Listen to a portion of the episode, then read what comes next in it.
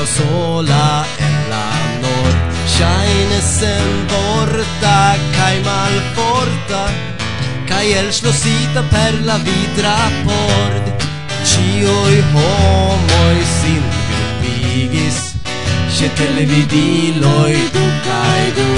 Sen esperantai gras mangiantai Ciu malgioias vi pritia evolu. Gi ne normalas Gi nur kutimas en la nuna mond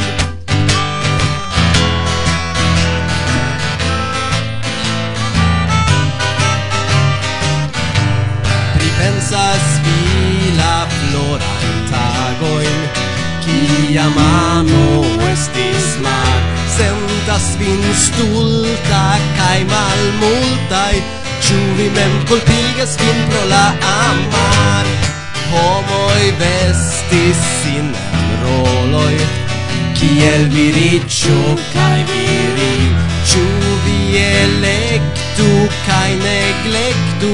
Ciu unu sexe mezzon captu ancao vin Ci ne normalas Ci nur cutimas en la nuna mon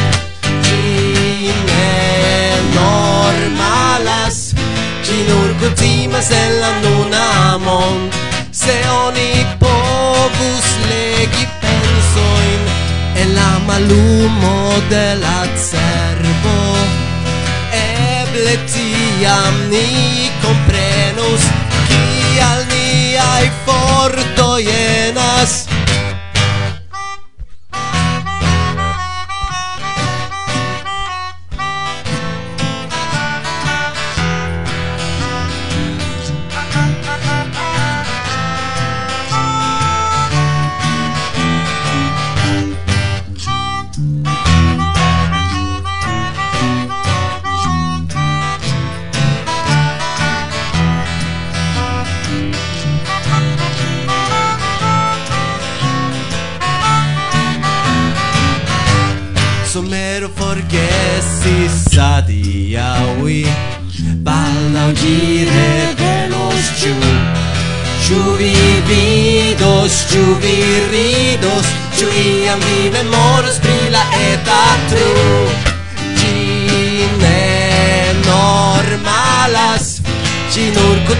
sen la nuna mon ciui.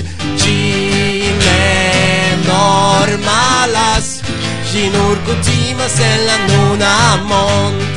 Ci ne normalas ci nur cutima en la nuna mon.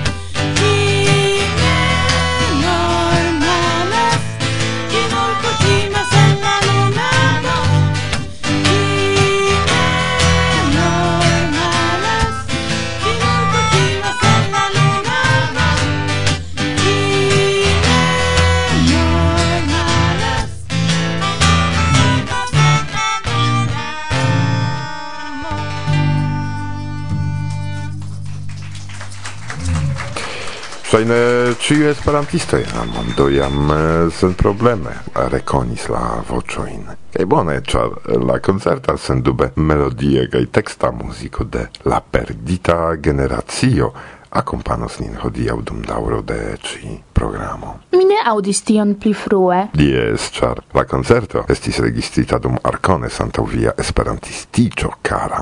Hmm, do tiel kun pli granda plezuro mi aŭskultos. Ju pli des pli oni diras, ke ne pro la registritaj studie kodoj, sed nur dum koncertoj oni povas fakte mezuri talenton kaj valorecon de artisto. Plene mi konsentas.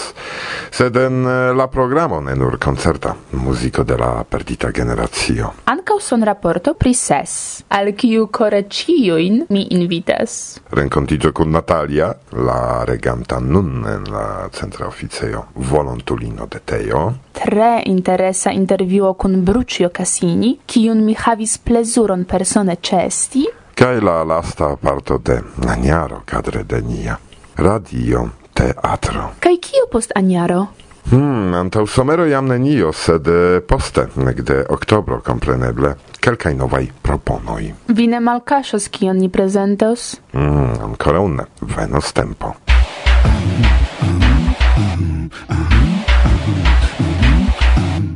Antaŭ mikrofono mankas hodiaŭ Karina, Goszka kaj Agnieszka, sed iliaj voĉoj aperos en la venonta programo. Kio okazis? pro la stud examenoj ne eblis trovi tagon dum kiu ĉiuj ni povu renkontiĝi.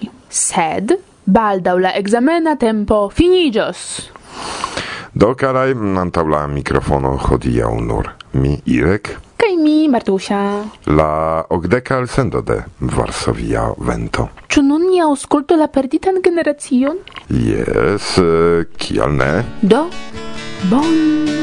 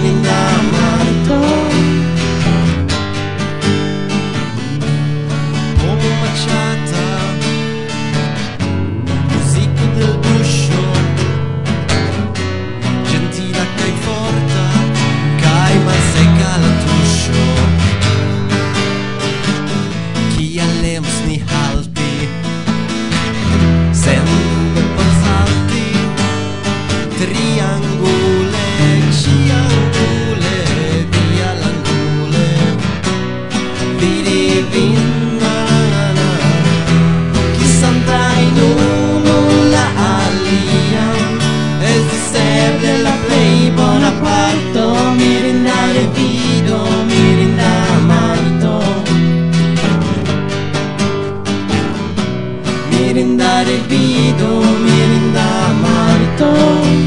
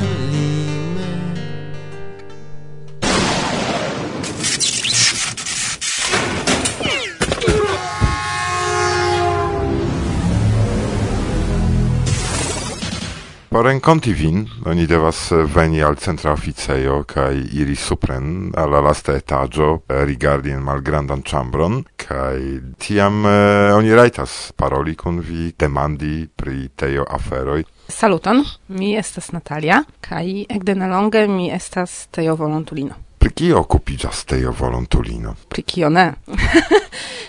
hmm. Al teo volontulo venos ciui messagioi qui venas al centra officeio por teo, do mi occupigas pri viei aferoi, pri finansai paperoi, iomete pri pasporta servo. Homoj havas tempo al tempo problemoj kun mia retpagio. Volas demandi pri io, kiam eh, vi aliĝos al teo, vi ricevos to cemizon, kai mi devas senditi vin to cemizoi kotopo anta Antaune longe exemple Google aldonis tradukilo Esperanto kaj aliaj inlingvoj. Homoj mesadis al mi kun demandoj kaj ĉu ni povas danki por uh, Google Teamo. Multe da laboro estas ĉiutage, ekde kiam ĝis kiam? Tio dependas, ĉar Generale mi laboras ris dec oca, set mi ofte laboras nocte, kai antone longe mi exciis che ci volontuloi faras tie same, che laboras cefe nocte. Mi vidis anoncon che teio serĉas teio volontulon, kion vi dirus al sekva teio volontulo? Unu afero, ke tio estas ege mojosa laboro kun mojosaj homoj, Laŭ umi la plej grava estas, ke vi, volontulo, ne, ne timu. Kial vi decidis esti te volontulino? Ĉar mi volas fari ion novan, ĉar mi ekzemple neniam laboris eksterlande, mi preskaŭ neniam laboris iom grave por uh, Esperantujo char antau mia volontula periodo mi estis en estraro de PEI kaj en Varsovia vento sciones tia sama tio estas mia laboro sed mi ankaŭ havas alian aferon por fali. Nun mi okupiĝas nur pri Esperanto. Por mi sufiĉe nova afero. Kio pri via privata esperantista vivo? Ĉu vi renkontiĝas kun esperantistoj, kiuj estas ne nur en centra oficejo? Jes, ĉefe kun eh, nej, ĉar ili faras ekskursojn kaj invitas min kaj dank al ili mi iomete ekkonis Nederlandon kaj antaŭ nelonge okazis malferma tago en oficejo Mi neniam estis en centra oficejo dum malferma tago, estis multe da homoj. Do ne hezitu esti teo volontulo, ne hezitu respondu, mi kore invitas vin. Kiun vi ŝatus saluti? Mi ege volas saluti ĉiuj geoficistoj de centra oficejo kaj mi ege volas danki al ili pro la helpo kai mi ege volas ankaŭ saluti teo estranoj. Preci prezidanton de teo, kompreneble. yes.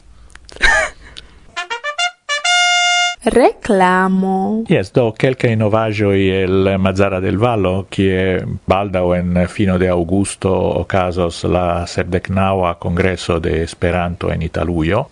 Estas eblezzo veni cae el spesi tre malmulte, char la urbestro disponigis construajon por tiui qui volas tre malmulte coste logi. En eh, dormosacolo già do costos nur 30 euroi por la tuta semaino, Estas ancau quelcae litoi, sed ni ancora ne scias ciam da, contra sesdec euroi semaine, ni ne scias ciam da, ciare Mazara del Valo anta une longe comensis al veni de nove granda quanto da tunisanoi, maroccanoi, per eh, scipoi, scipetoi, cun granda risco iesia vivo, kai la locon che noni planis doni al ni estos usata por ilingastigi lau Europa interconsento do eh, oni tamen trovos solvon kien meti nia in gastoin do venu kai vidu kiel bela la urbo kiel bela la esperanta etoso tie.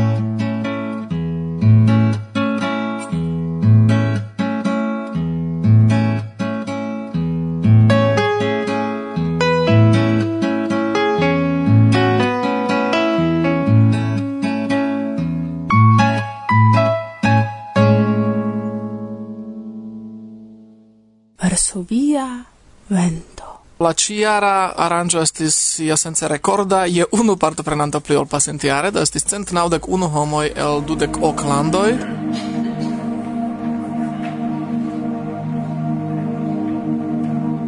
Saluton, mi nomiĝas Miriam el Germanio. Saluton, mia nomo estas Gorana. Mi estas el Bosnio. Saluton, mi estas Ingemar el Svedio. Saluton. Uh, mia nomo estas Brody uh, el Australio. Eh, mi estas Philip, uh, mi venas el Nova Zelando. Mi nomiĝas Daniele, kaj mi revenas de Italio en Florenco. Mi estas Nina Pietuchowska. Mi nomiĝas Stoncio, venas de Bretonio. Saluton, mi estas Andrea, mi venas de Italujo. Saluton, mi estas Dominika Krajniewska, mi loĝas en Dobrova Górnicza en Pollando. Mi nomiĝas Marta Krajniewska. Mi estas Alekcio. Saluton, mi estas Jose Conde, mi estis instruisto dum tiu ĉi ses. Mi estas Dalia Pileckiene el Litovio. Mi nomiĝas Nikos Papadimulis, mi estas el Grekio. Mia nomo estas Francesc Inglada, mi loĝas en Katalunio. Mia nomo estas Sol, mi venas el Tarragono, estas urbo en Katalunio. Mi nomiĝas Emilio kaj mi venas el Hispanio. Saluton, mi estas Bohumila el Ĉeĥio.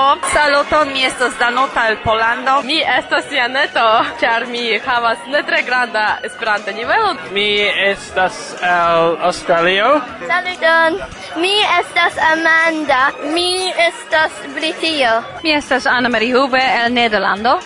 Seso saluton, mi estas Olga, Olga de Ĉeĥio. Mi venas el uh, Francio. Mi estas mi. Ankaŭ mi estas mi.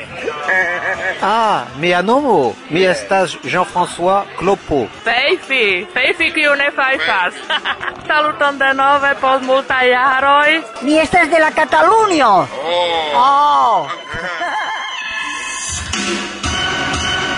Saluton, mi estas Edgar de Grupo Asorti. Mi estas tre contenta ciare pri la aranjo. Videblas, ke ankaŭ ni kiel teamo de organizantoj lernas kaj spertiĝas pri la aranjo, ĉar ni pli kaj pli konscias pri tio, kion homoj deziras kaj provas solvi ĉiujn problemojn, kiu estas antaŭvideblaj post la aranjo. Ŝajne videblas, ke ni esia ja progresis kaj homoj estis vere kontentaj pri la aranjo.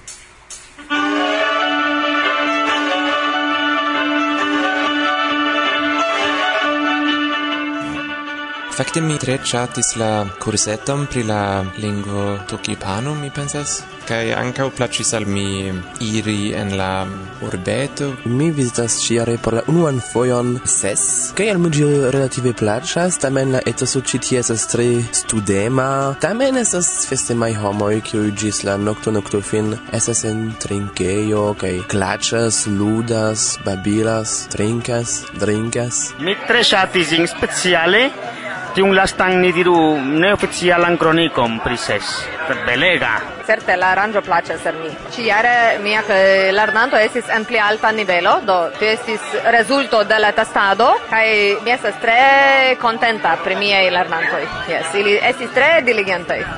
Mi ŝatis la aranĝon, ni partoprenis multe en la lecionoj. Plaĉis al mi tute, la instruistoj estis tre bona, la kurso estis tre bona kaj la etoso lo estis tre bona ankaŭ. Mi dirus uh, same, mi pensas ke estas tre tre agrabla kurso, tre serioza, mi multe lernis kaj mi pensas ke la homoj kiu uh, organizis es, estas mirinda personoj. Estas la unua foje kiam mi venas al ses kaj mi estas tre kontenta kontenta, kaj mi havis tre agrablan semajnon, mi multe lernis kaj estis tre bona etoso inter ĉiuj lernantoj kaj partoprenantoj. Mi dankas al Serge mi estas citie unua foje, kai mi estas tro kontenta kun programo, kun instruistino, kun ĉio.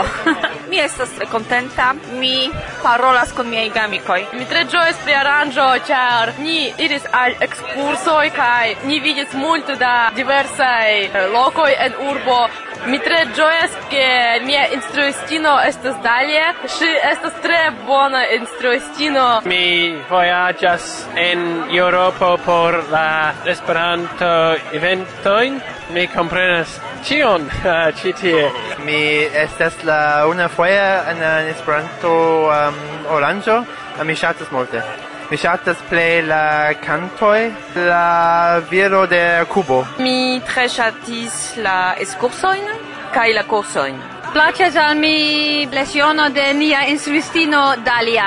Mi alvenis la pasinta jaro, kaj mi multe ĉatos, mi revenis, kaj mi esperas, se per miaĵo povas, uh, reveni la proxima jaro.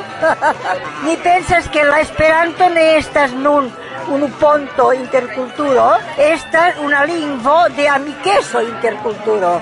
Me placas, ses?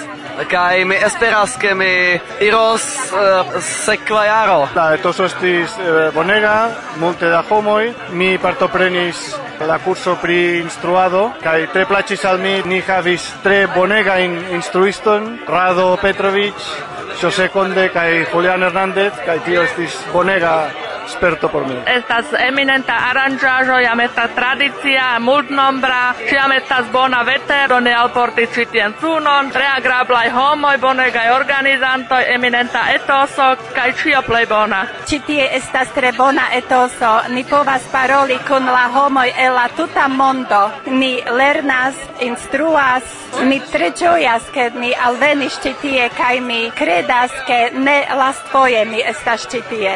Seso estas belega aranĝo. Ĉiu placas al mi. Unue la virinoj, due biero kaj uh, kursoj.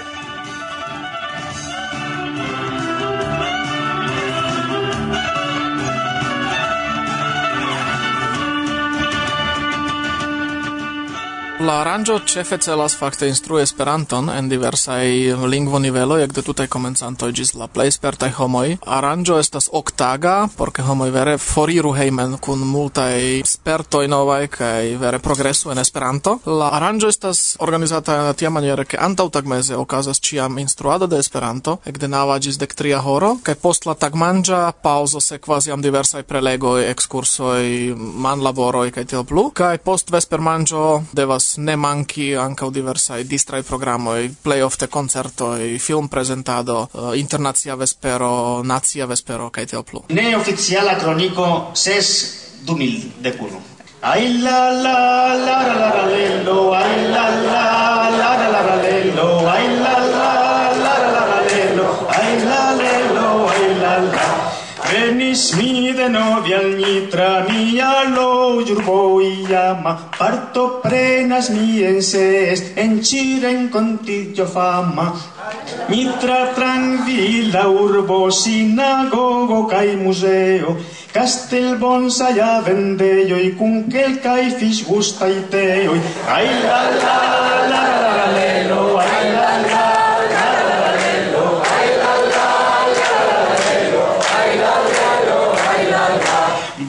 instruista te amo, sed diable diru Petro, kiel meti tridec homoin en dec vin quadratain metroin. Por instruista treinado de tu lernantoi cum pasillo, loc sufficia trinstruistoi, kial tiu privilegio. Ai la la la la la la la la la la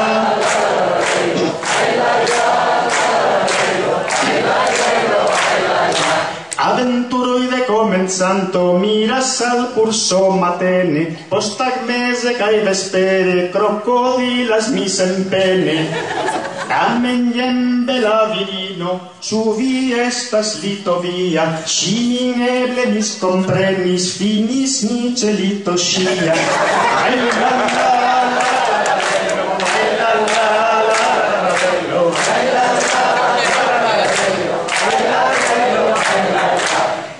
hazarde offendirtis iu pro de la scherzado pardonu cae mi invitos all'amica vierumado Dankon pro vi ascoltadoi cae parto prenantoi, speciale mi dankas al ses organizantoi. Ai la la, salvateo, ai la la.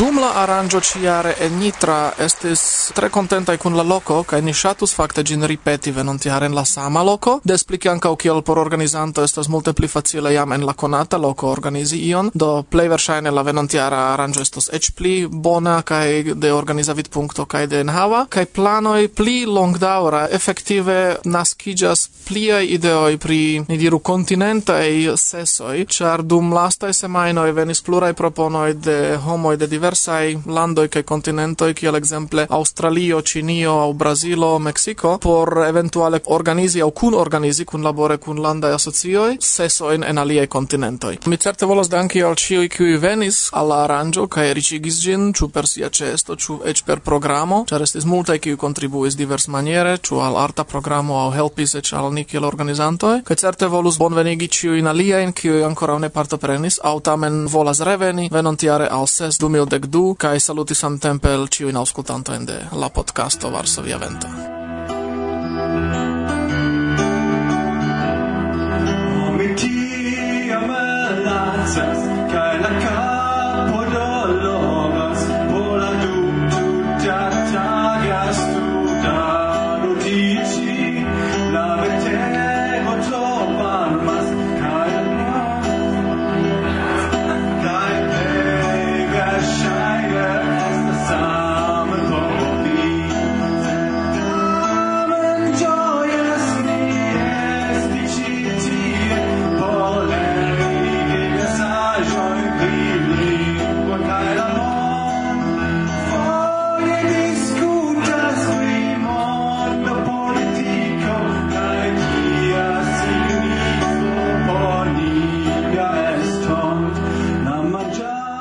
salutas ciuin el Slovakio, el Nitra. Mi volas diri saluton al miai geamicoi en Svedio, kai ancao alla Esperanto Club de Malmo.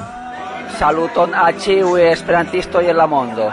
Kai mi salutas san ciui. Saluton el mondo el Australio. Saluton al Britos, kai saluton al Bonn. Saluton al Ciu de Lille. Por Katia, kai Claude. Saluton el Nederlando. Visca Catalulo! Mi salutas familio kiu formas la grupon a sorti. Kai dankon, dankegon pro la muziko. Saluton ciu Esperan parolanto de la mondo. Do saluto al ciu esperantisto kai ne, ne nur al ciu ciu Vabbè, volevo salutare i miei amici di Firenze, eh, vabbè, la mia famiglia, gli amici che sono qui. Mi desidera saluti eh, mia famiglia, kai miei uh, geamici en Florenzo, kai uh, ciu persona kiu partoprenis alla SES en Nitra, Slovakio. Mi ĝojas, che mi havas eblecon saluti miajn geamikoj en la tuta mondo, set mi aparte ŝatus saluti mian amikon eh, Roman Hieromin, kiu loĝas en Moskvo, kiu antaŭ unu jaro estis en Pieszczany kaj eble pensas pri tio, kio okazas eh, ĉiare dum ses, ĉar li bedaŭrinde ne povis veni. Do karaj, ne hezitu, sekvont jare venu Slovakion kaj ĝuu etoson de ses.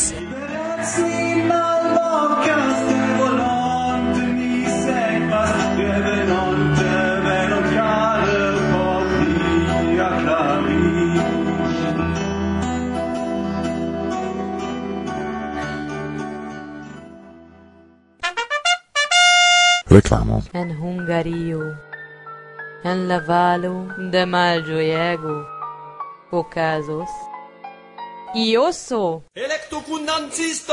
Castino, akvobatalo, homlupa auctio, cuirado, vort batalo, cae pli. Informoi ce ioso.hu obliquo eu.